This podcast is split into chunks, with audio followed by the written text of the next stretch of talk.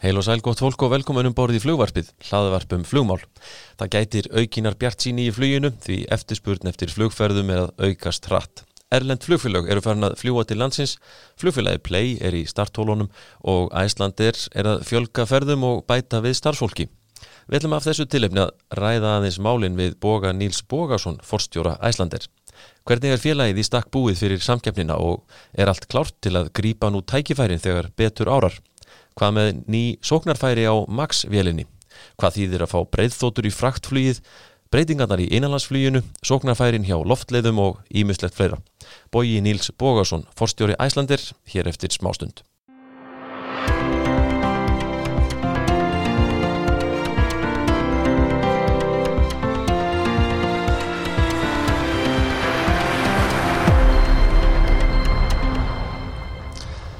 Já, hann er mættur í flugvarpið, fórstjóri Æslandir Group, Bóji Níls Bógarsson, velkomin í þáttinn. Takk fyrir.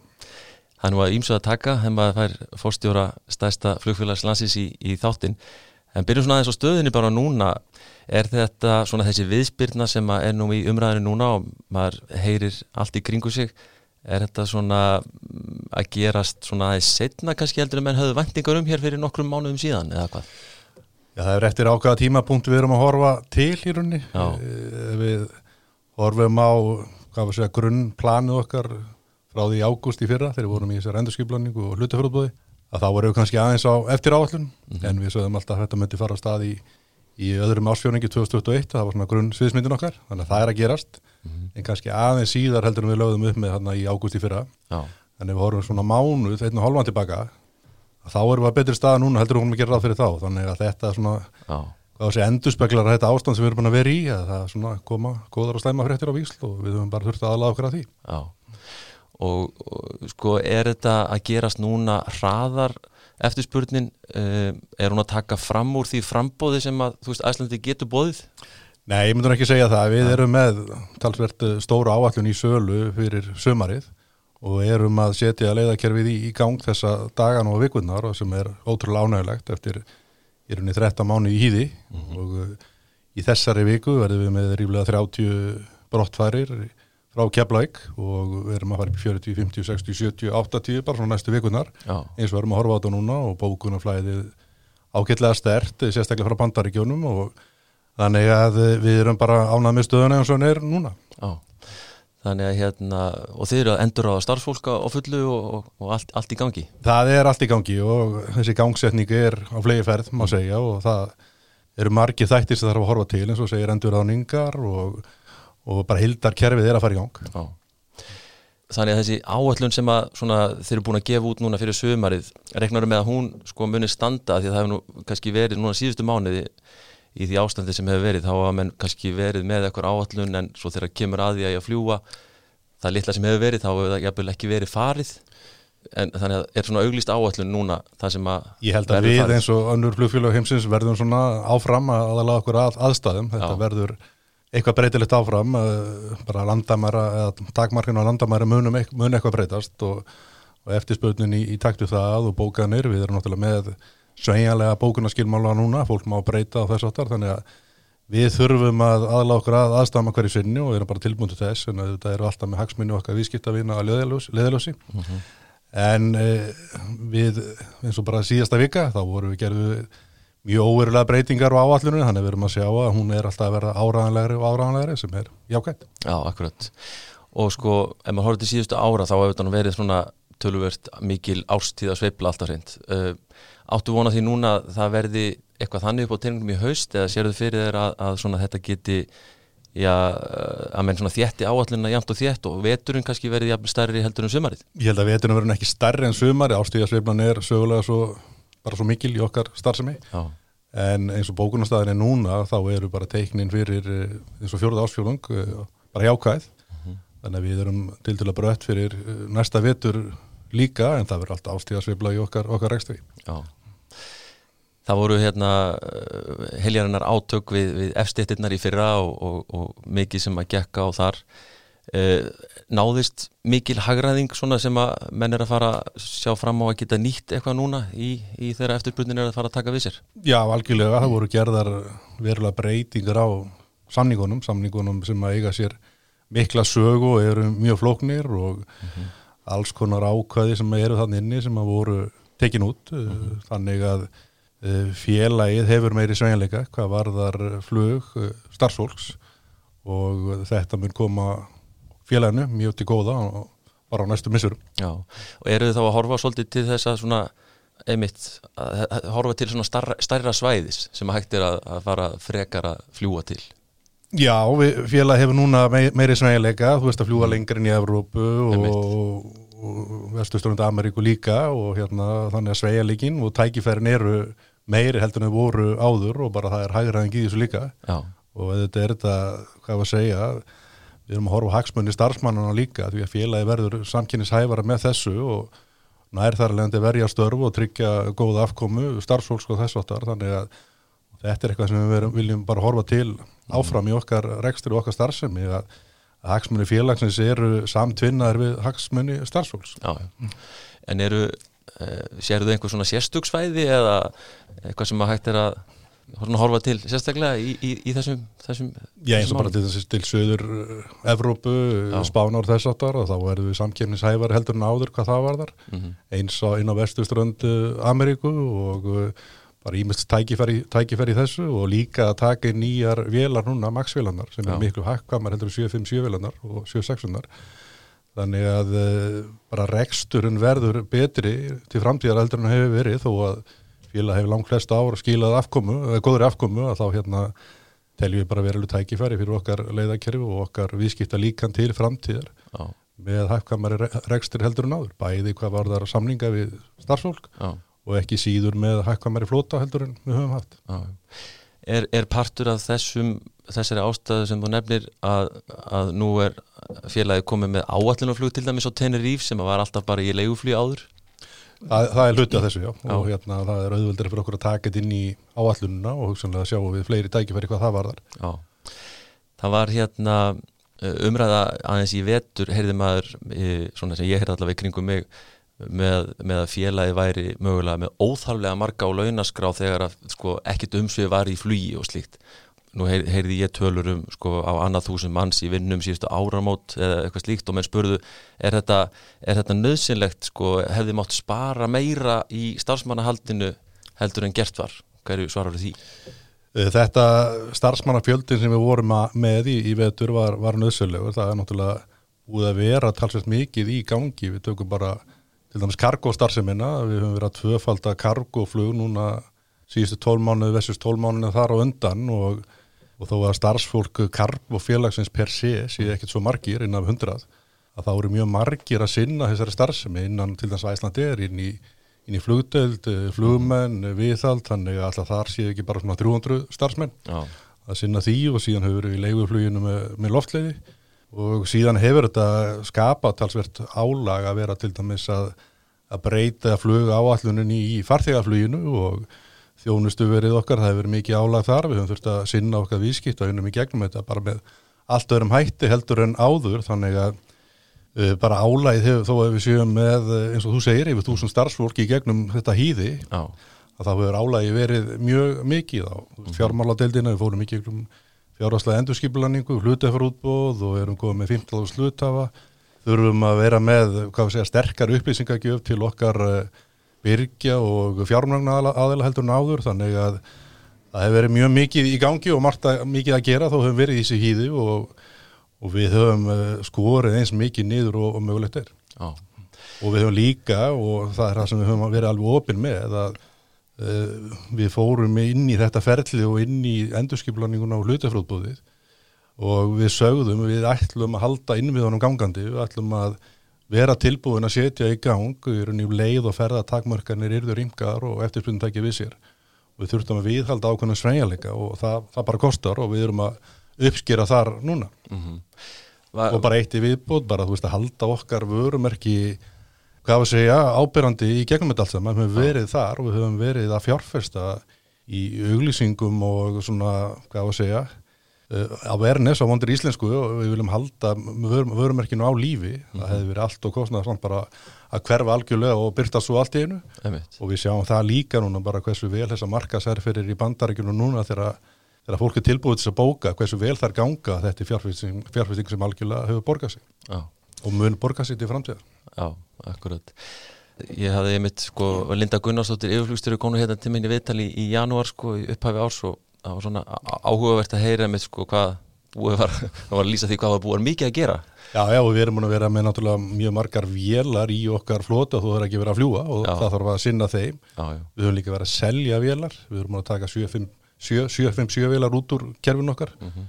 uh, selja og fá það er leiðandi bara verð fyrir þær og það kostar vinnu fjölmarkra starfsmanna, flugvirkja og þess áttar þannig að það er búið að vera mjög margt í gangi þó að því miður höfum ekki verið að fljúa mjög mikið í farþegaflugin en það er að breytast núna. hafa, hafa þessi úrræði stjórnvalda svona nýst félaginu vel? Já, við höfum eh, verið að nýta þessi almenn úrræði eins og, eins og hægt er. Og við erum náttúrulega áður en þetta skalla á þá var Æslandi er grúp stærsti engarekni vinnuveitandi á Íslandi og við höfum nýtt þetta eins og, eins og höfum getað og þetta hefur skipt verulegum máli. Nú er von á nýju flugfélagi hér á markaðinu og heimamarkaði ykkar, uh, flugfélaginu Play. Hvernig líst þér á, á þá samkjöfni? Mér líst uh, mjög vel á hana, það ske- skemmtilegt að hérna að hvað var að segja, að, fá íslenskan samkefnisaðila. Við höfum náttúrulega verið að keppa við ja, tæplega 30 erlenda samkefnisaðila og það voru íslenskir hérna fyrir árið 2019 Ó, jú.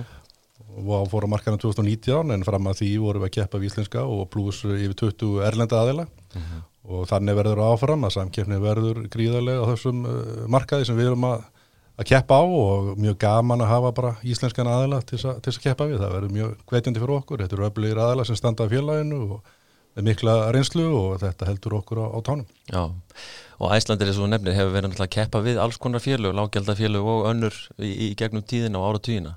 Já, já, og bara staðið sér mjög vel í gennum tíðina og, og við ætlum að gera það áfram. Mm Það er aðeins í umræðinu þetta svona með, með kostnað e, þessa nýja félags og, og svona, hvað að segja, það er svona, hvo- hvort að það geti eitthvað skekt stöðuna, er þetta eitthvað svona sem þið horfið til?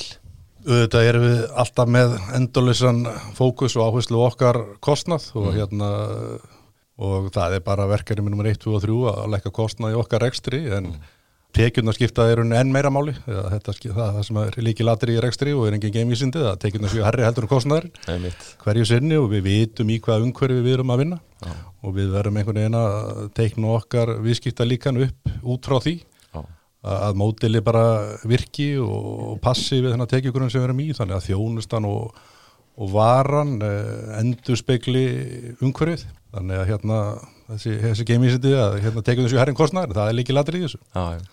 En hafið þið svona eitthvað farið yfir það, sko, sérðu fyrir þeirra til dæmis, sko, innkoma þessa félagsmunni hafa einhver veruleg áhrif á rekstur eða afkomu, sko, Æslandir á þessu ári til dæmis eða svona á næstu mánuðum? Nei, ég sé það ekki að eitt uh, flugfélag sem kemur inn á hana marka mun hafa einhver veruleg áhrif á afkomi okkar félags, það er eins og segi við erum að sjá til dæmis sem amerísku félagi núna stökk og hengað inn þegar við sjá hengað tækifæri eða tækifæri til þess að fljúa til og frá Íslandi og þannig verður það bara. Ef það er markað fyrir hendi þá kom einhver inn og, og við þurfum bara að standa okkur í, í þeirri samkjörni Já, Æslandir er skilgreint uh, sem markasráðandi á þessum markaði hér heima. Þannig að uh, ykkar hendur eru svolítið bundnar, er það ekki sko varðandi hvernig þið mætið svona samkefni Já, það er hort á í rauninni hvern uh, fluglegg uh, til og frá Íslandi og í mjög mörgum tilveikum hefur Ísland, neða, Íslandi er verið skilgreint sem markasráðandi og, og það hefur klárlega áhrif á það sem við getum gert og við þurfum bara að haga okkar, uh, ég hvað að segja, vinna út frá því Já. og við hérna fylgjum, við náttúrulega fylgjum þessum samkynnislögum út í eitt og þekkjum þau mjög, mjög vel hvað við, við megum og getum gert og, og, ákveðna, og hendur okkar eru aðeins bunnar hvað það varðar eins og þú segir og hérna að því við erum markasræðandi á mörgum leiðum en það er bara umhverju sem við erum í og vinnum út frá því. Já, já. Um, aðeins varandi flótamálin nú eins og þú nefndir áðan hann til að ljósta með tilkomu Max-vélana þá er svona komin hérna svona nýr grundvöldu fyrir alls konar flugi sem að kannski áður var talið óarbært, er það ekki? Jú, algjörlega, vélarnar eru mun hækkvamari heldur en 7.5-nar Já.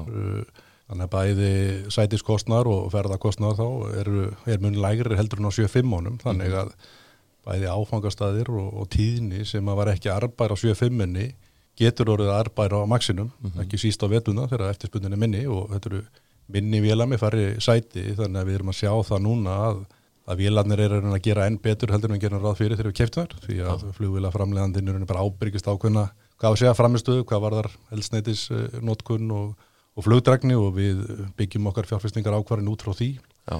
en alveg eins og þegar 7-5 án var keift að þá er maksin að gera meira heldur en framlegandinn lofaði Já. og það er, það er frábært, þannig að við sjáum bara tækifæri þessu að það verður svona tíðni og áfangastæði sem að við getum bætt við okkar kerfi sem að hefði ekki verið hægt að gera á 7-5 Já. og ég sá núna fyrir stöttu síðan að það var 737 max sem að fór keflaug síallul til dæmis Já, já. Menn kannski sá ekki alveg fyrir sér hérna fyrir einhverjum álum síðan Alls ekki og þegar við vorum að teikna þessi módelu upp að þá vorum við ekki með það sem svona grunnfossendu en Nei. við sjáum það núna að við getum notað max 9 á Seattle sem, sem er frábært og, og erum bara styrkir uh, hvað á að segja, arðsemi okkar, okkar félagst í framtíðar Mhm. og hugsanlega verða fleiri þannig staðir þar sem að við erum að fljúa mun lengra yfir á vestustunundinu á maxinum og það er eitthvað sem við gerum alls ekki ráð fyrir í okkar módulum þegar við keiptum vélarnar. Mhm. Það var náttúrulega á sínu tíma hérna fyrir 20 árum rúmlega síðan sem að menn fóru með þennan fókus mjög fast í sko að vera með eina típu og, og, sinna því og eitt flugmann á hóp og allt þetta sem að minka svona flækjustíð á mörgum sviðum Mhm. og nú erum við með Max vélarnar og 757 og svona, þetta er ákveðið flækjustíð sem að er kannski fyrir sjámanlegt núna næstu mánuð, er það ekki? Það er ákveðið flækjustuð eins og segir að vera með fleiri vélatjóndir, hvað var að þjálfun, viðhald, uh, bara varahlutalagar og þess að þar mm -hmm. og þá er það sem við erum að fá með því að vera með fjölbreyttara flota tækifæri í, í tekjusköpunni það verður að vega upp uh, viðbúta kostnaði við flækjustíð og gott betur og, og þannig erum við alltaf að stilla upp þessum mótilum okkar að hérna að til dæmis líka núna að vera með maxvélarnar og 757 vélarnar saman að okkur líður alveg ótrúlega vel með þá stöðu núna því að 757 vélarnar eru með mjög lágan eignarhalskostnað, eiginlega engan. Og uh, við getum ef aðstæður verða þannig bara er unni lagt þeim á þess að við séum að, að drefast hérna í fjármögnuna kostnæði eða, eða leiðugreislum en ef eftirspunni verður mjög mikil þá getum við bara flóið þeim talsvert mikið. Og að meðan við erum með svo maxvílandi sem erum um hafkvæmur og viljum fljúa þeim bara heila 24-7 Já, og, uh, og okkur líður mjög vel með þessa skipun flotan sem auðvitað er þetta viðbóta flækjustíð en við erum að fá meiri ávinning heldur en flækjustíð kostar. Já, og þannig verða þessi mótil alltaf að, og þannig er þessi mótil alltaf sem við erum að stilla upp. Núna við að horfa á hvað á að segja, framtíða flota plönn okkar, hvaða vél tekur við af 7-5 minni til framtíðar.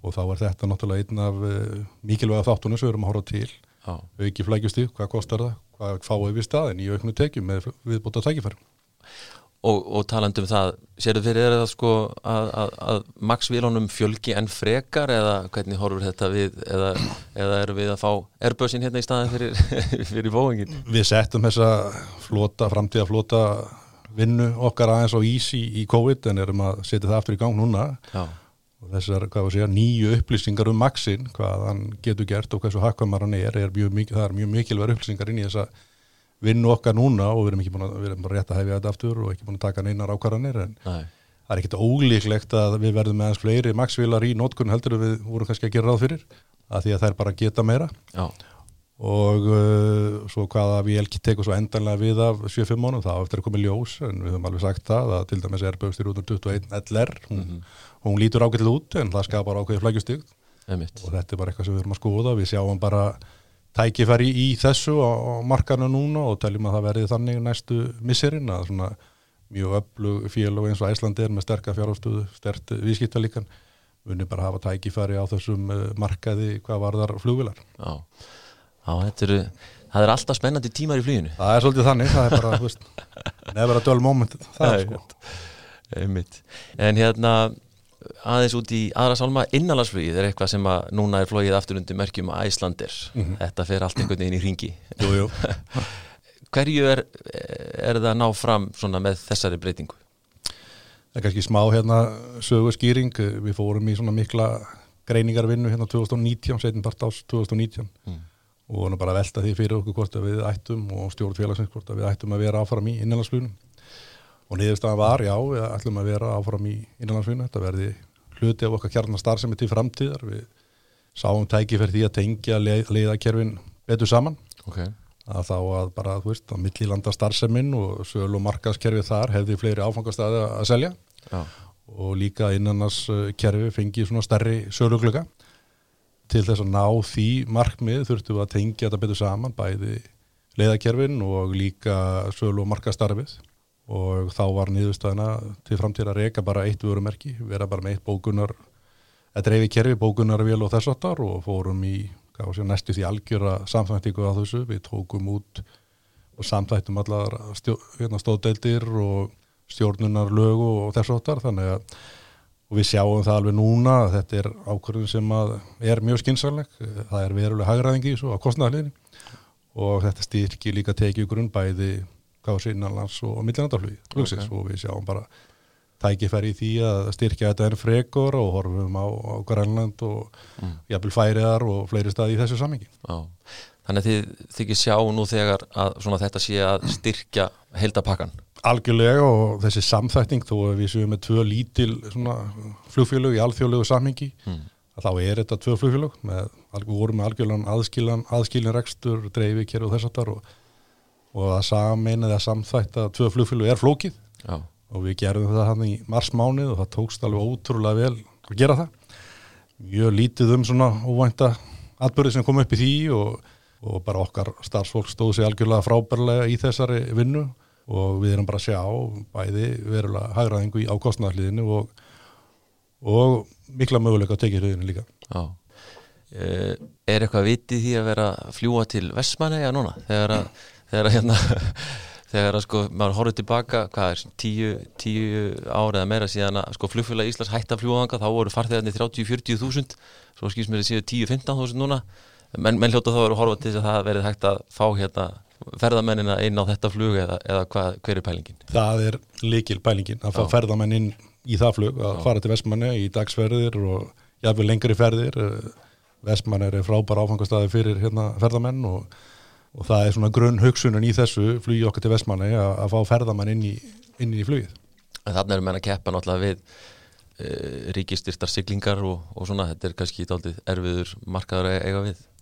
Já og nei, en fyrir ferðamann sem er að koma hinga til Íslands í til dæla stöttan tíma að, að fljúa í 20 mínútur frá Reykjavík, 25 mínútur í, frá Reykjavík til Vestmeina inn í það umhverfið sem það er að uh, það getur bara verið ótrúlega upplifun og við, getum, við teljum að við getum búið til mjög áliðlega pakka fyrir ferðamenn hvað það varðar mm -hmm. og það er ástæðan fyrir því að við fórum í þessa vinnu og talandum um þessa samþæktingu í á innanlandsfluginu og millilandafluginu, við erum náttúrulega búin að vera í samtali við hagsmuna aðila og, og markastofur á öllum þessum áfangastöðum og, og það sjá bara allir tækifæri í þessu og, og við gerum það líka en hérna við erum náttúrulega að sjá fariðamennina núna loksins var að koma eftir hérna 13 mánada stopp má segja og við erum bara bjassin á að þetta gangi eftir að þetta plan okkar að, að koma fleiri ferðamennum í flugi til Vestmanni ja. út, út af það gengur þetta og aðra staði vantilega líka já.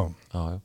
þannig að það er búið að taka þá svona hvað maður að segja, pólitísku ákvörðun innan félagsins að, að vera í innanlandsfluginu eins og þú nefndir aðan Já, það hefur svona verið, hvað við segja, stefnumótandi ákvörðun sem var tekinn hann í lokast 2019 að vera í innanlandsfluginu og tengja þetta betur saman. Mm -hmm.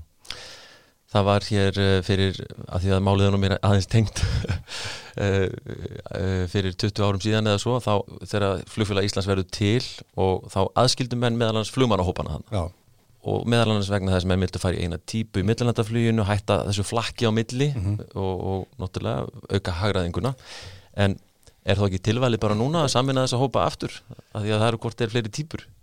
Nei, við sjáum hvað það er bara ómikið óhagrað í því að, að samina þessa hópa, þannig að við erum með eh, bæði flugmannahópin og flugfröðihópin, þannig að félagið er eða þá til, flugfélag Íslands og Já. þar eru áhofninar því að við ræðum þetta bara svona í, í reynskilni að það verður mikill samdráttur öðrum megin en ekki hinnum megin að þurfu alltaf að þjálfa á milli. Já. að uh, það er bara of kostnarsamt og of mikið óhægraði því og þess vegna höldum við þessu svona aðskildum. Já. Þannig rauninni er sko eins og segir flugfélag Íslands er ennþá til sem flugræstrar aðili og allt það og er í rauninni svona blöðlegu fyrirtæki að fljúa undir merkjum Æslandi Já, það er rauninni bara blöðlegir inn til Æslandi maður að segja. Já, já Þetta er áhugavert. Um, Svona aðeins um, um peningarliðina og, og, og, og rekstur félagsins svona í, í COVID Þetta er náttúrulega búin að vera afar skrítin tími eða ekki að rekka flugfélag? Jú, mjög skrítinn og þessi þrí, síðustu 13 mánuðir að síðan er bara einhvern tíman í mars í fyrra að þá hérna Já, fórum við inn í þetta ástand og erum búin að vera þar eiginlega síðan þanga til núna sem er gríðarlega ánægilegt að hérna að það mæla segja þetta hvað var að segja, plan sem við lögðum upp með fyrra sumar mm. Það er með að við stöðuna núna bara gangu upp, við höfum haldið öllum innviðum á lífi og haldið öllum sveigjanleika til staðar og vörumerkjun á lofti og þannig að um leið og eftirspunnin er aðna þá erum við tilbúin til að fara á stað og, hún, og bókanir er að skila sér. Þannig að planið gekk upp og hérna miða við stöðuna núna og talandi um fjárhastöðuna þá er hún miða við bara síðastu uppgjör og ágætlega sterk Já. lausafjárstaðan og einfjárstaðan en, en þetta er náttúrulega ennþá svolítið krefandi tími fyrir, fyrir öll flugfélög í heiminum. Já og við samt talsverð ennþá. Var afkoman á fyrsta ársfjórðungi var hún svona betri en þú reiknaði með eða, eða var hún bara á plani? Hún var, uh, við vorum mjög ána með afkomin á, á fyrsta ásfjörðungi Já. og uh, það, svona, það sem við höfum stjórn á gekk uh, mjög vel þannig að uh, hva, hvað er plan í þessu, þessu ástandi hérna, við höfum ekki gefið út neinar afkomis báriðan eitt þessu áttar og Nei, auðvitað erum við með einhverja svona grunnfósöndur inni hjá okkur en þetta breytir svo hratt að hérna, við höfum bara haft á, hvað að segja, stefnu aðlaða okkur að aðstöðum en aðstæðum hverju sinni en við vorum mjög ánað með uppgjöru fyrir fyrstu þrjá mánuði ásins miða við aðstæður. reiknaru með því að félagina á að skila hagnað á þessu ári? Nei, við, við reiknum ekki með því, það var ekki það sem við lögðum upp með í, í fyrra til dæmis í hlutafjörðbúðinu og það var ekki það sem við kynntum fyrir, fyrir fjárfæstum, þannig að við erum ekki að reikna með því að vera í hagnaði á, á þessu ári. Nei. Það lítur að vera sko núna eftir því sem að náttúrulega færist í lífi hlutina þá náttúrulega ekst kostnaðurinn hratt líka. Já, það er þessi línudan sem við erum í, Já. vegna þess að við, það er ennþá eins og ég segi, óvisa í þessu, ef við myndum bara vita það að þetta væri bara, hlutinir er náttúrulega uppleið núna en það kæmi ekkit bakslag, að þá væri auðveldur að eiga við þetta því að við viljum náttúrulega ekki fest okkur í allt og miklu kostnaði ef við þurfum svo að draga mjög hratt saman eins og við lendum til dæmis í í fyrra sömar þegar hérna landamærin voru opnið hér hérna 15. júni og svo Einmitt. bara harlokað aftur 19. 19. ágúst, það var kostnaðarsamt en Já, frábært að geta flóið þarna Já. og fengið ferðamenn til landsins þannig að þetta er þessi línundans sem við erum alltaf að horfa til að reyna bara besta stöðuna eh, hverju sinni, við erum ekki að festa okkur í of miklu kostnaði ef að hvað að segja, bakslag kæmi en við erum samt jasín og gerum ráð fyrir því að þetta sé bara hvað að segja upphæfið að því að þetta fara allt í gang og það kom ekkit bakslag. Mhm, en þe- þetta er krefendi verkefni sem við erum í. Já, klálega Það eru ennþá mikla takmarkanir á landamærun bæði hér og, og annar staðar. Jafnvel, jafnvel meira annar staðar heldur en, heldur en hérna á Íslandi en sko, hvernig myndur þú vilja sjá svona þau mál þróast á næstunni? bara almennt, ég Já, eins og já. núna erum við ennþá með bandaríkin eiginlega lokuð fyrir Einmitt. ferðamenn og, og bandaríkin menn eru náttúrulega stór hluti af okkar viðskiptavinum en þeir eru svolítið að koma hinga sem ferðamenn sem er, sem er frábært en við erum bara að gera ráð fyrir því þessi þróun sem höfum séð eiga sér stað í bandaríkjónum Breitlandi og mun eiga sér stað á öðrum mikilvægum markasvæðum okkar, Evrópu og þess áttar þannig að hægt og hljóti inn á sumarið eh, þá opnist allir markaðir og bókanir eh, taki við sér og og ferðatakmarkanir verð ringi svona smá saman. Þannig að, þannig að staðan á þessu núna er bara, hvað að segja ágætt með aðstæður og mun bara batna. Já, byrjar einhver að bóra einhver staðar, já, já, látum það yfir látum það yfir okkur ganga. Um, sko, þannig að það er ennþá lokað inn í bandaríkin en, en heldur að þetta svona já, he- hefur vondið þess að það geti opnað svona á, á næstu vikum eða hvað Já, ég, ég er bjassinn að það að þó það er komin um enga frétti frá bandarísku stjórnvöldum svona um þetta. Nei. Eh, við erum alveg óvissu eins og allir aðri hvað þetta varðar. Já, en ég er bjassinn á að hérna, Biden og hans menn og hans fólk farið, farið að opna fljótlega og við fyrum að komast til Já. bandaríkjana og líka þetta kerfið okkar, vía kerfið farið þá, farið þá í gang. Já. Ríkisábyrðin var mikið í fjölmiðlum hérna í, í fyrra í tengslu við, við, við hérna uh, fjárhagslega endurskipulegning og allt það. Uh, þarf félagið að nýta hana? Við vonumst ekki til þess og uh, okkar markmið er að nýta hann ekki. Okkar markmið er alltaf og stefna er að vera með sterkar lausafastöðu Já. og vegna þess að flugfélag þurfa bara sterkar lausafastöðu og ef okkur tekst að við held að þeirri stefnu að þá munum við ekki þurfa að nýta lánalínuna. Mm eins og segi, það er bara markmið okkar nummer 1, 2 og 3 það er að hérna, passa lausafjárstöðun okkar og það er leðandi reksturinn og, og ef að það gengur eftir og okkar gangi, ganga eftir að þá munum við ekki þurfa að nýta línuna. En, en það er ekki allt í, allt í okkar höndum. Nei, en var þetta nöðsynlegt á sínum tíma að, að þínum að, að, að, að fá inn Já, þetta var, hvað var að segja, bara hluti af þessari hildarlust sem við fórum inn í og hérna mm. gekk svo bara vel að klára. Við sjáum það bara hérna allt í kringum okkur að öll flugfélög svona að einhverju stærð sem voru í einhverjum rekstri fyrir þetta ástand, þau hafa fengið aðstóð frá viðkomandi stjórnvöldum og flest fengu bara hellings, eh, hvað var að segja, fjármenn, svona sértæka aðstóð inn í sína inn í sín efnarsreikning, hvort sem Já. það var í formi styrkja eins og við erum að sjá í bandaregjónum eða beina lána eða hlutefaraukningar í, í Evrópu, þetta hefur verið svona blanda Já. auk þess að hafa þessi félags og haft aðgang á svona almennum aðgerðum stjórnvalda mm -hmm.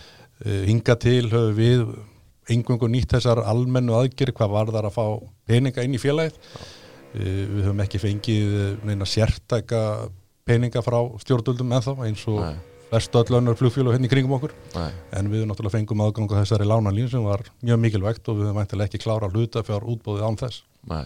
þannig að þetta var nöðsöluðu þáttur í svona hildar lausninni Það er búin að vera ræringar í, í hérna, teimi stjórnenda hjá þér, bæði Þóra farin úr innanlandsfluginu og, og svo núna Eva Sólei hætt hérna, þeir helst íla á, á konunum í kringu þig eða hvað? Nei, mér helst nákvæmlega á konum almennt Já, já, það er gott Já En hérna, er þetta eitthvað svona eh, sem, að, sem að kom, kom þér á óvart? Eða er búið að vera aðdraðandi að þessu?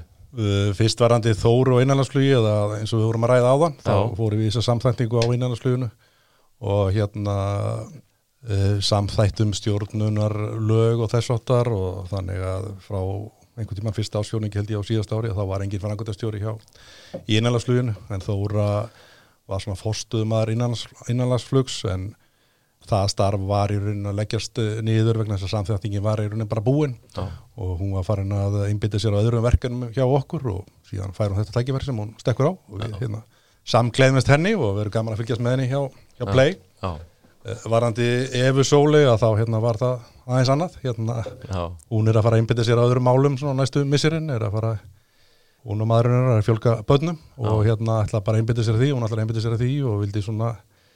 fara í aðeins uh, róleira umhverfi og hérna, við hérna samfögnum náttúrulega þeim hvað það var þar en hún er búin að standa sér frábælega og var hérna ótrúlega upplugu liðsmaður til dæmis í fyrra þessar endurskiplanningu og hluti fyrir útbóði og, og hérna en hún mun vera hérna í góðu sambandi við okkur áfram ah. en, en þannig er þetta bara í rekstri stórs félags, það er alltaf eitthvað í gangi og maður kemur í mannstað og hérna, það er engin starri en félagi og þannig er það bara Æ, Hún, hvað maður að segja það, það kom svona, já eins og ég tólkaði pínluti svona, svona stuðningsyfirlýsing frá henni, hefða fjárfesta í félaginu um leið og þessar fréttir komu.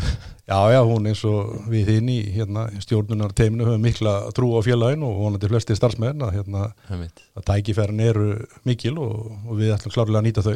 Já. Eh, eitt dótturfélag samstæðinar heitir Loftleðir og uh, hérna hver er svona staða loftleða í dag og, og er þeir að skila miklu til grúpunar? Í gegnum tíðin er henni bara frá stopnun hefur loftleði skila mjög góðri afkomu og uh, ég kom inn í félagið það var ég eða myndi starfa hérna í september 2008 já, já. Og, uh, og byrjaði minnum 19. oktober 2008 og þá var staðan ekkert sérstök Nei. og við þurftum að fara í mikla fjárháslega endurskiplangu þá líka mm -hmm. en þá var svona tekjuflæð og sjóðstreymi sem að loftlega var að skila ótrúlega mikilvægt í gegnum þann vetur þeir voru bara með segja, stöðuvar leiðugreislu frá vískiptafinum út í heimi í Erlendum Gjaldmili sem var ótrúlega mikilvægt fyrir samstæðina og, loftlegar hefur skilað mjög góður í afkomu bara á hverjannsta ári þanga til á, á síðast ári. Mm og ástæðan er náttúrulega bara allir þeirra viðskiptavinir eru flugfélug og all flugfélug voru að ganga í gegnum mjög erfiða tíma á síðast ári. Og það endur speiklast í rekstri loftliða en við erum bara frá stopnun og þar til árun 2020 loftliðir skilað bara frábæri afkomin inn í, inn í Æslandir grúp samstæðinu. Og sér þið fyrir þeirra núna þeirra svona að hérna fyrir að allt vera hérna við að, að það geti orðið aftur samupbóttinningum með það eða er að menna að sjá svona einhver, einhver batamerki hjá þeim líka Já, loftleðir, þetta er stærsti viðskiptafinu loftleða er, er Guinea í Papinu Guinea Já. og uh, samningarnir eru þannig að tekinu ráða svolítið að því hvað er mikið flóið og bara eins og hjá öðrum flugfélögum þá hefur verið flóið lítið undarförnu en leið og það fyrir að, að hérna lagast og, og framleyslein að aukast og þá aukast tekinunar hjá, hjá, leiðusalunum og við erum bara til dælu að brötta á framtíð loftleða við sjáum enga ástæði til þess að félagi ekki eftir að skila bara góðri afkomi í framtíðinu eins og félag hefur gert í fortíðinu en þetta er, þetta er, þetta er krefandi rekstur og það þarf að fylgjast mjög vel með honum.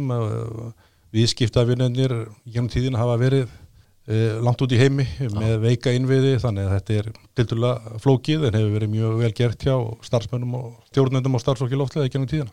Já, e, eitt af því sem hefur komið í gegnum loftleðir og inn í, inn í önnur fyrirtæki samstæðanar er að að til dæmis hafa með náða að nýta, samnýta eh, starfsfólk og, og, og tæki mm -hmm. uh, með dettur í hug til dæmis þetta þetta ævintýrin manna, á grænhöðægjum eh, Cabo Verde Airlines mm -hmm. þar sem að menn hafa 9-5-7 öðnar einhverju marki, jábel mannskapin líka til að fljúa einhverju marki og svo leiðis eh, sér þau fyrir til dæmis eins og með það dæmi að það svona sé að fara að rúla af stað aftur að einhverju marki og mann geti svona já, nýtt, nýtt tæki og tól einhvern veginn inn í samstæðinu betur? Ég, það er náttúrulega hugsun og var hugsunum með loftluðum uppalega mm -hmm. grunn hugmyndin var að leia út umfram afkastagetu Æslandir flótans á vituna það var og er og mikil ástíðarsveifla í Æslandir uh, reksturinnum og starf sem ekki ekki bara vel frá upphafi þannig að félagi fóð svona að byggja upp eigin flóta og var að, að leia líka út uh, áhafnir, flugmenn og þess að þar og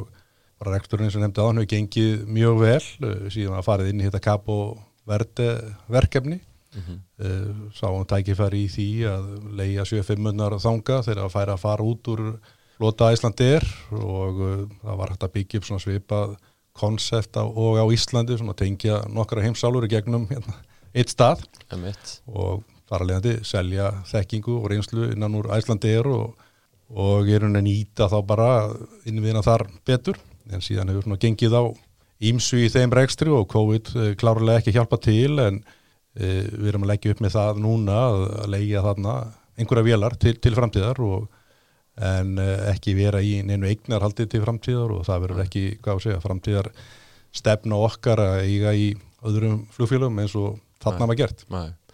En þarna náminn kannski, eins og nefnir sko leiðu og vélum, svona einhverju virði úr uh, sko gömlu góðu 757 vélunum sem að... Algjörlega, algjörlega og, hérna, og svo er eitt í viðbótar, eitt í viðbótarinn í loftleðum sem er þessi heimsreysuflug eins og nefndir og það er náttúrulega verið að selja alla þekkingu innan úr Æslandi grúpu samstæðinu, tengst loftlið að síðan hefur að nýta bara frábærar áhefnir eh, Æslandir, eh, flugmenn, flugfröður, eh, flugverkja og ég er unni bara, hvað var að segja, feedbacki sem við erum að fá frá okkar vískiptaðunum í þessum ferðum er, er ótrúlega jákvægt og mm. þar spila náttúrulega okkar starffólk langstæðstur rullina mm -hmm. og þarna sjáum við bara hversu öflugt okkar starffólki er og þarna sjáum við tækifæri líka til framtíðar að að efla þessa starfsmi. Já, ég, ég man eftir að hafa heyrt það að það hafi verið á síðasta ári voru bókaðar æði margar svona, bara með fjöldi svona ferða sem að náttúrulega var ekki farin út af þessum heimsvaraldri. Algjörlega Já. og við vorum náttúrulega fyrst í þessu, þetta var svona bara hlutið úr árinu og svo var búið að byggja upp í svona heilsás starfsemi en e, svo dætti þetta svolítið mikið út á, á næsta ári en er að koma inn aftur á, neitt aftur út á, á síðast ári en mhm. hérna kemur svo bara inn aftur og við skiptavinnir eru endi staður og eins og ég segi, gríðarlega ánað með þjónustunna og þar skiptir starfsfólkið okkar öllum máli. Já, uh, hérna Þú hefur farið í einhverjum svona ferðir eða ekki? Nei, ég er nefnilega ánæglega eftir að fara í svona ferð. Ha, Getur ekki rikkað einu, einu, einu skemmtilegri fyrir mig? Finnum út af því. Finnum út af því. Ég reyndar sko, ég náða að klára eina hérna, það var einhvern veginn þannig, það var háhafnarskipti í Keflavík. Mm. Þannig ég svona skilaði, fólki var búið að taka einhvern verðin rund sko, og, en átti eftir að fara frá Keflavík til Boston minni mig og, og áhöfnin fór að fekk að fara heim eftir, eftir túrin og, og við kláruðum þennan eina legg hérna og skiluðum þeim heim til sín. Þannig að það er eina, eina aðkofa mín að þessi sofar en hver veit? En aðeins í, í, í fraktina menn er að horfa hérna á hann í fréttum að þessu daginn að þeir eru að fara fá 767 breyðþóttur inn, inn í mm. fraktina sem er svolítið spennandi uh, uh, regnar með að það geti þýtta að þið geti komist í einhver svona long haul verkefni jafnvel þar, þú veist, menn, menn tala um far íst og svo leiði sko. Uh, sér þau fyrir þér möguleika á einhverju svo leiðis markasveið með fraktina? Á þess að fara að tala um einhver sérstök markasveið þá sjáum við tækifæri því að styrkja bara kepplæk sem tengi miðstu fyrir frakt mm -hmm. og tengja við okkar núverði leðakerfi, kannski fleiri Eh, fleiri markasvæði ah. og það er bara það sem við erum að hugsa með þessu að taka 7-6-ur inn í fraktflótan og, og bara, sé, ebla frækt höppin eins og hefur verið að gera með í, hérna, í, í farþjóðafluginu og það er svona grunn hugsunin í þessu. Já. Sko, nú skils mér, saðið mér lítill fugla utanrækisráðunit þið væri að ræða yfirflugsheimildir yfir, yfir Rúsland það er vantarlega eitthvað sem er hérna svona viðskiptatækifæri fyrir Æslandir ef að, ef að menn ná einhvern góðum samningum þarum Já, ég held að sé tækifæri víða í þessu og hérna þetta er bara í, í vinslu hjá okkur og, og hérna við sjáum möguleika því eins og ég segja áðan, við erum með mjög stert kerfi núna, fraktkerfi í fluginu Evrópa gegnum Ísland til Norður Ameríku og öfugt og að, að tengja fleiri markaði við þetta kerfi, fljúa fraktflug og svo setjum við fraktin inn í, inn í farþegarleiðakerfi í báðar áttir og nákvæmlega hvaða markaðsvæði við erum bara að sjá að hérna, þarna liggja talsverð tækifæri og við ætlum að nýta okkur þau. Mm -hmm. Og það koma, það er nú bara strax á næsta ári sem að sérst fyrri velin þess að 767 kemur er, er þetta svona bara breyting á fraktvél og nú eru tvær 757 fraktvélar í gangi verða þá í staðin bara tvær 767 eða halda mér áfram að kera 757 samhliða? Uh, við erum svona að hugsa til þess að þessar kom í staðin fyrir 7.500 en það er ekkit endilega þannig. Ef þetta fer, segja, hrætt á stað með þessu nýja flota þá bara bætu við við og hérna en auðvitað snýst þetta bara um að hérna verið erbaru rekstri og skila arði til okkar hlutafa og veriðs aukningu henni inn í kerfið á Íslandi, inn í samfélagi hér. Mm -hmm. þannig að ef við sjáum að þessi rekstur gengur vel og það er þörf fyrir fleiri vélar, þá verðum við með fleiri vélar. Það verður ekki flóskálsinn og líka, hvað var það fræktin það var mjög mikilvægt að og tæki verið því að, að styrkja hana og auka hana í okkar rekstri og og hvað sé að vinna þess að móti það ástíðasveiflun í, í hérna, farþegarfluginu sem mm. er mjög mikil, hún er miklu minni í, í uh, eh, frakstarsaminn og stundum öfug sem að mögur þá, hvað sé, bæta afgumuna hilsás í, í samstæðin í held. Já, draga svona aðeins úr þessum sveiflum. Já. Já. Uh, Æslander Cargo er að keppa við bláfugl inn og út úr keflaug og hérna, það er nú Íslands flugfélag sem að, sem að hérna, hefur svona farið þá leið að segja sig aðeins svona frá þessum íslenska vinnumarkaði sem að er starfa á og þar meðal æslandir allavega hvað var það flugmennina mm -hmm. uh, hvernig horfur þetta svona við þér uh, hefur þetta svona einhverju marki áhrif á þessa samgefni? Ég ætla kannski ekki endilega að hafa skoðun á því hvað aðrir er að gera við erum eins og við erum alltaf sagt, við erum að vinna hérna í þessu íslensku umhverju, við erum með samninga við félag íslenska atvinnuflugmenn og hérna og svo flugfræðifélag Íslands og flugverkjafélagið og nú eru langtíma samningar fyrir hendi þar mm. og við erum bara að vinna í þessu umhverfi en auðvitað við erum að keppa við félag sem er í einhverju allt annari, já í allt öðru umhverfi þá verður það alltaf krefandi staða, það, það er þannig en við þurfum bara aðalega okkur að því ah. en við erum í þessu umhverfi og þurfum bara stilla mótilun okkar upp miða við það en ég ætla ekki til að hafa skoðun á því hvað aðrir að gera í þessu. Nei, Var þetta of loðið svarað?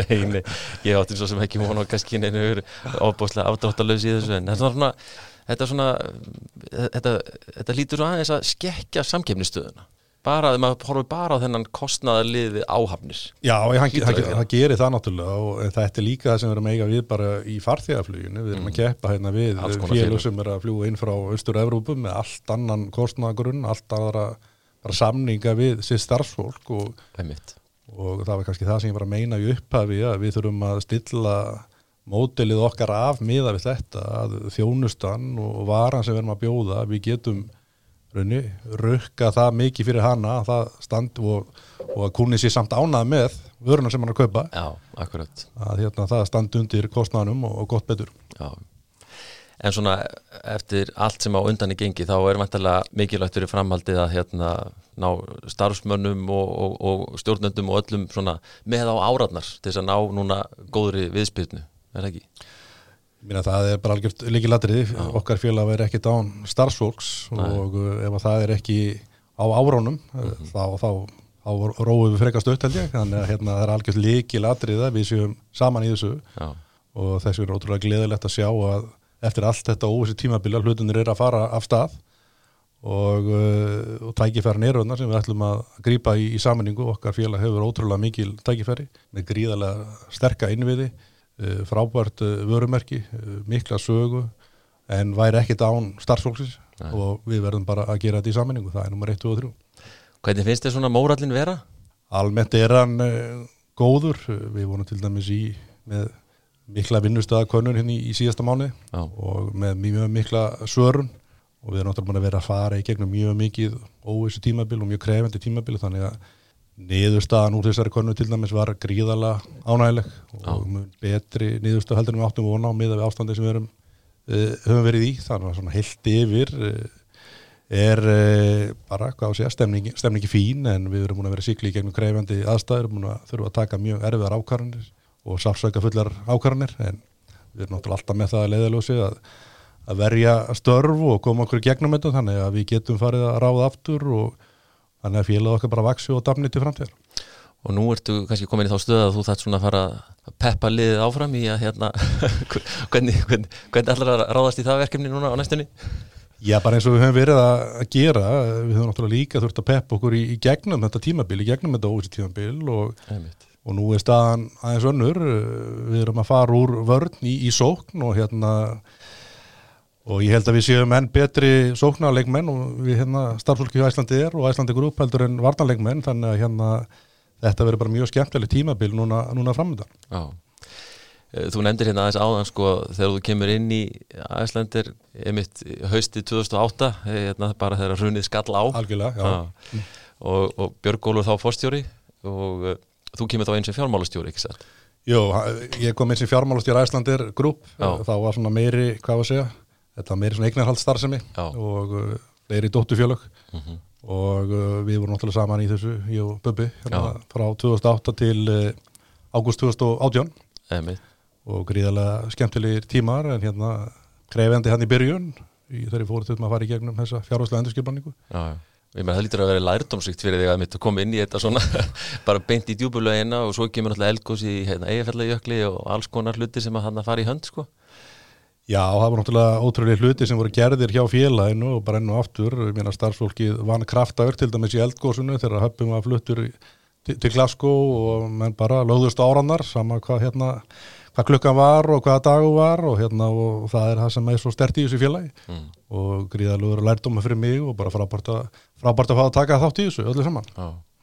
Þannig að þessi reynsla þarna eins og þú segir frá náttúrulega 2008 til 2018 uh, lítur að hafa ný, nýstir vel í, í starfi fórstjóra núna þessi síðustu já, já, misserin. já, maður er náttúrulega búin að læra ímislegt á félagið og flugregstur og gegnum hennar tíma og hérna en síðan kemur alltaf eitthvað nýtt og óvænt sem að, hérna, við þurfum að takast á við og hérna ímislegt gerst síðan hérna í ágúst 2018 hjá okkur Já, já. sem við áttum kannski ekki endilega vona á bæði hvað var það max kýrsetningun og svo náttúrulega COVID Já, já. Það er einhvern veginn, það, það það er alltaf einhver skín og skúrir í þessum bransa. Það er þannig en við vorum reyndar mjög duglegir við það, ég og Bubbi að hérna vara bara alla við því að það væri alltaf eitthvað að koma upp sem við höfum bara ekkert stjórn á. Já, og þess vegna þyrftum við alltaf að hafa til dæmis bara mjög sterka lausafjárstöðu og eiginfjárstöðu og við vorum svolítið, svolítið gaggrindi fyrir það oft uh, hjá fjárfæstunum sem dæmi uh, að við værum alltaf íhjaldsamar í þessum efnum. En þetta er bara staðan að hérna flugfélög að verða að hafa borð fyrir báru í þessum efnum því að það er alltaf einhverju þætti sem að koma upp sem við, við stýrum ekki nei, við erum náttúrulega bara fókusur á þessar hluti sem við höfum stjórn á og gera það eins vel og við mögulega getum en við þurfum að vera varkár hvað þessa þætti varðar já. Uh, verið hérna eins og við höfum talað um sko mikil átök og alls konar áskoranir erfið verkefni síðustu mánuði og misseri. Ertu ekki dónað þreyttur á þessu?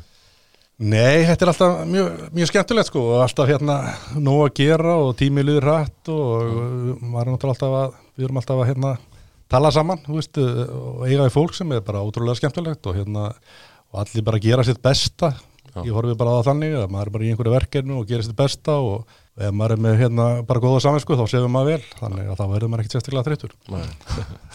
þegar að, þegar að hérna, Bubbi hætti náttúrulega svolítið hérna snöglega haustið 2018 var það bara strax svona ákvörðin í þínum hauseri? Ég ætla að kýla á þetta.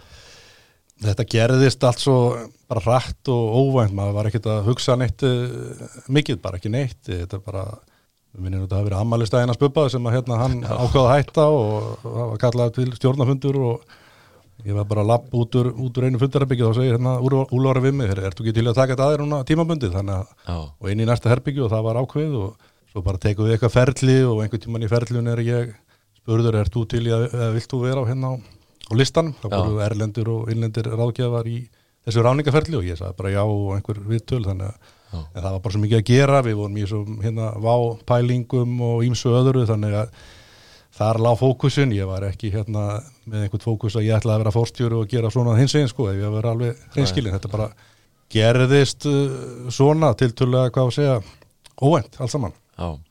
Þannig til í byrjun desember 2018 þegar ég var aðeins svona til, til langframa. Já. Talandu um vá, var þetta, var þetta á einhverju tímapunkti svona raunhafu kostur að þínum að því? Já, allavega með að við upplýsingar sem við vorum að horfa á svona á hverjum tíma. Annars hefðu aldrei farið til dæmis við skrifum náttúrulega bara undir kaupsanning um að kaupa félaginu með fyrirvarum ákveðna þætti. Uh, en síðan svona eftir uh, nánari skoðun sá, þá sáum við bara að það var ekki skynsalegt uh, þannig í hösti 2018 og bökkuðum út úr því. Uh, síðan tókum við aftur ákveðna skoðun hann uh, 2019 í mars uh, minni mig, já en uh, þá þurfti lág náttúrulega fyrir að það þurfti að gera verulega breytingar á skuldsetningu félagsins og til þess að við kæmum að þessu og, og síðan fórum við út úr því líka og, og hlutinni fóru eins og þeir fóru. Jú, jú, akkurat. En uh, svona eins og persónulega nótum hvað, hvað gerir fórstjóri æsir til að hérna svona ná andanum og, og áttu þeir eitthvað áhuga mál og slíkt eða? Já, ég er með fullt áhugamál með svona golf og skíð eru svona nummer, já, aðal áhugamálin, aðalega golfið uh, og svona á sumurinn þá spila ég talsvert mikið golf, ég bý hérna í grafóinum stutt á korpun og í grafróldið og fegar svona mest uh, á mótnana eða, eða seint á kvöldi nýju hólur og hérna og, og konan er í þessu og strákurinn og pappi og bróðum minn og fullt af vinum sko, þannig að það er svona maður kupla sér best út á, á golfvellinum og hérna en ég er með hérna fullt áhugamáli, fótbolta, íþróttir og bara svona Mhm. Íþróttasjúklingum að segja og hérna þannig að ég næ alltaf að kúla mig ákveðlu sko. Já, ég var aðeins síðan einhverja myndir aður á, á fjálstoppum á samfélagsmiðlum. Já, við fórum í skemmtilegt átaki af félaginu núna í janúar að ganga upp á, þetta var ekki beint fjálst, þetta er svona felstoppar myndi ég segja fyrir ykkar Já, akkurat. Og svona skemmtilegt, skemmtilegt átak og maður hérna, hérna skamalegt frá því að segja því ég bý í grafóinum að maður var að kynnast þarna fellum í næsta nákvæmlega sem það bara aldrei komið upp á áður. Ég var reynda gengið margótt upp búlvarsfellið en hann í, til næst í Mósfellsdalnum og hérna, Já, Grímarsfell og þetta á, Já, já. Reykjafell og Mósfell og með þess að Helgafell þar líka Já, já, einmitt sem ég vissi ekki af eini. það er oft farið yfir lækin að sækja vatn algjörlega, það er þannig sko já.